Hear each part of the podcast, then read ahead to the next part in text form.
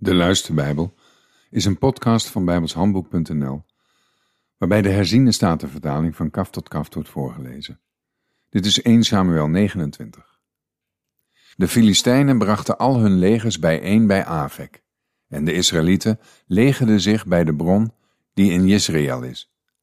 De stadsvorsten van de Filistijnen kwamen in afdelingen van honderd en duizend voorbij. David en zijn mannen kwamen met Agis voorbij in de achterhoede. Toen zeiden de bevelhebbers van de Filistijnen: Wat moeten deze Hebreërs? Daarop zei Agis tegen de bevelhebbers van de Filistijnen: Is dit David niet, dienaar van Saul, de koning van Israël, die sinds jaar en dag bij mij is? Ik heb niets kwalijks in hem gevonden van de dag af dat hij afvallig werd, tot op deze dag. Maar de bevelhebbers van de Filistijnen werden erg kwaad op hem. En de bevelhebbers van de Filistijnen zeiden tegen hem: Laat die man terugkeren, zodat hij terugkeert naar de plaats die u hem aangewezen hebt. Laat hem niet met ons mee ten strijde trekken, zodat hij voor ons geen tegenstander wordt in de strijd. Want waarmee zou deze man bij zijn heer in de gunst kunnen komen? Is het niet met de hoofden van deze mannen? Is dit niet die David van wie ze in de rijdansen in beurtzangen zongen? Saul heeft zijn duizenden verslagen, maar David zijn tienduizenden?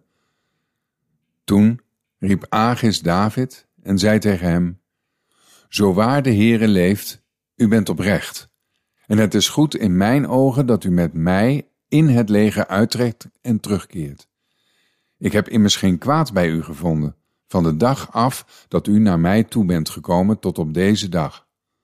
Maar in de ogen van de stadsvorsten bent u niet goed. Keer daarom nu terug, ga in vrede, omdat u niets doet wat slecht is in de ogen van de stadsvorsten van de Filistijnen.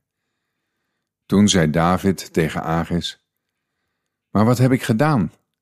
Of wat hebt u in uw dienaar gevonden van de dag af dat ik bij u geweest ben, tot op deze dag? Dat ik niet mag gaan strijden tegen de vijanden van mijn heer de koning.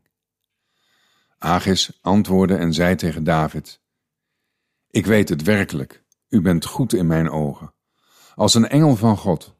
Maar de bevelhebbers van de Filistijnen hebben gezegd, laat hem niet met ons ten strijde trekken. Nu dan, sta morgen vroeg op met de dienaren van uw heer, die met u meegekomen zijn, en als u morgen vroeg opstaat, ga dan op weg zodra het licht voor u geworden is. Toen stond David vroeg op, hij en zijn mannen, om s'morgens weg te gaan, om terug te keren naar het land van de Filistijnen. De Filistijnen daarentegen trokken naar Jezreel.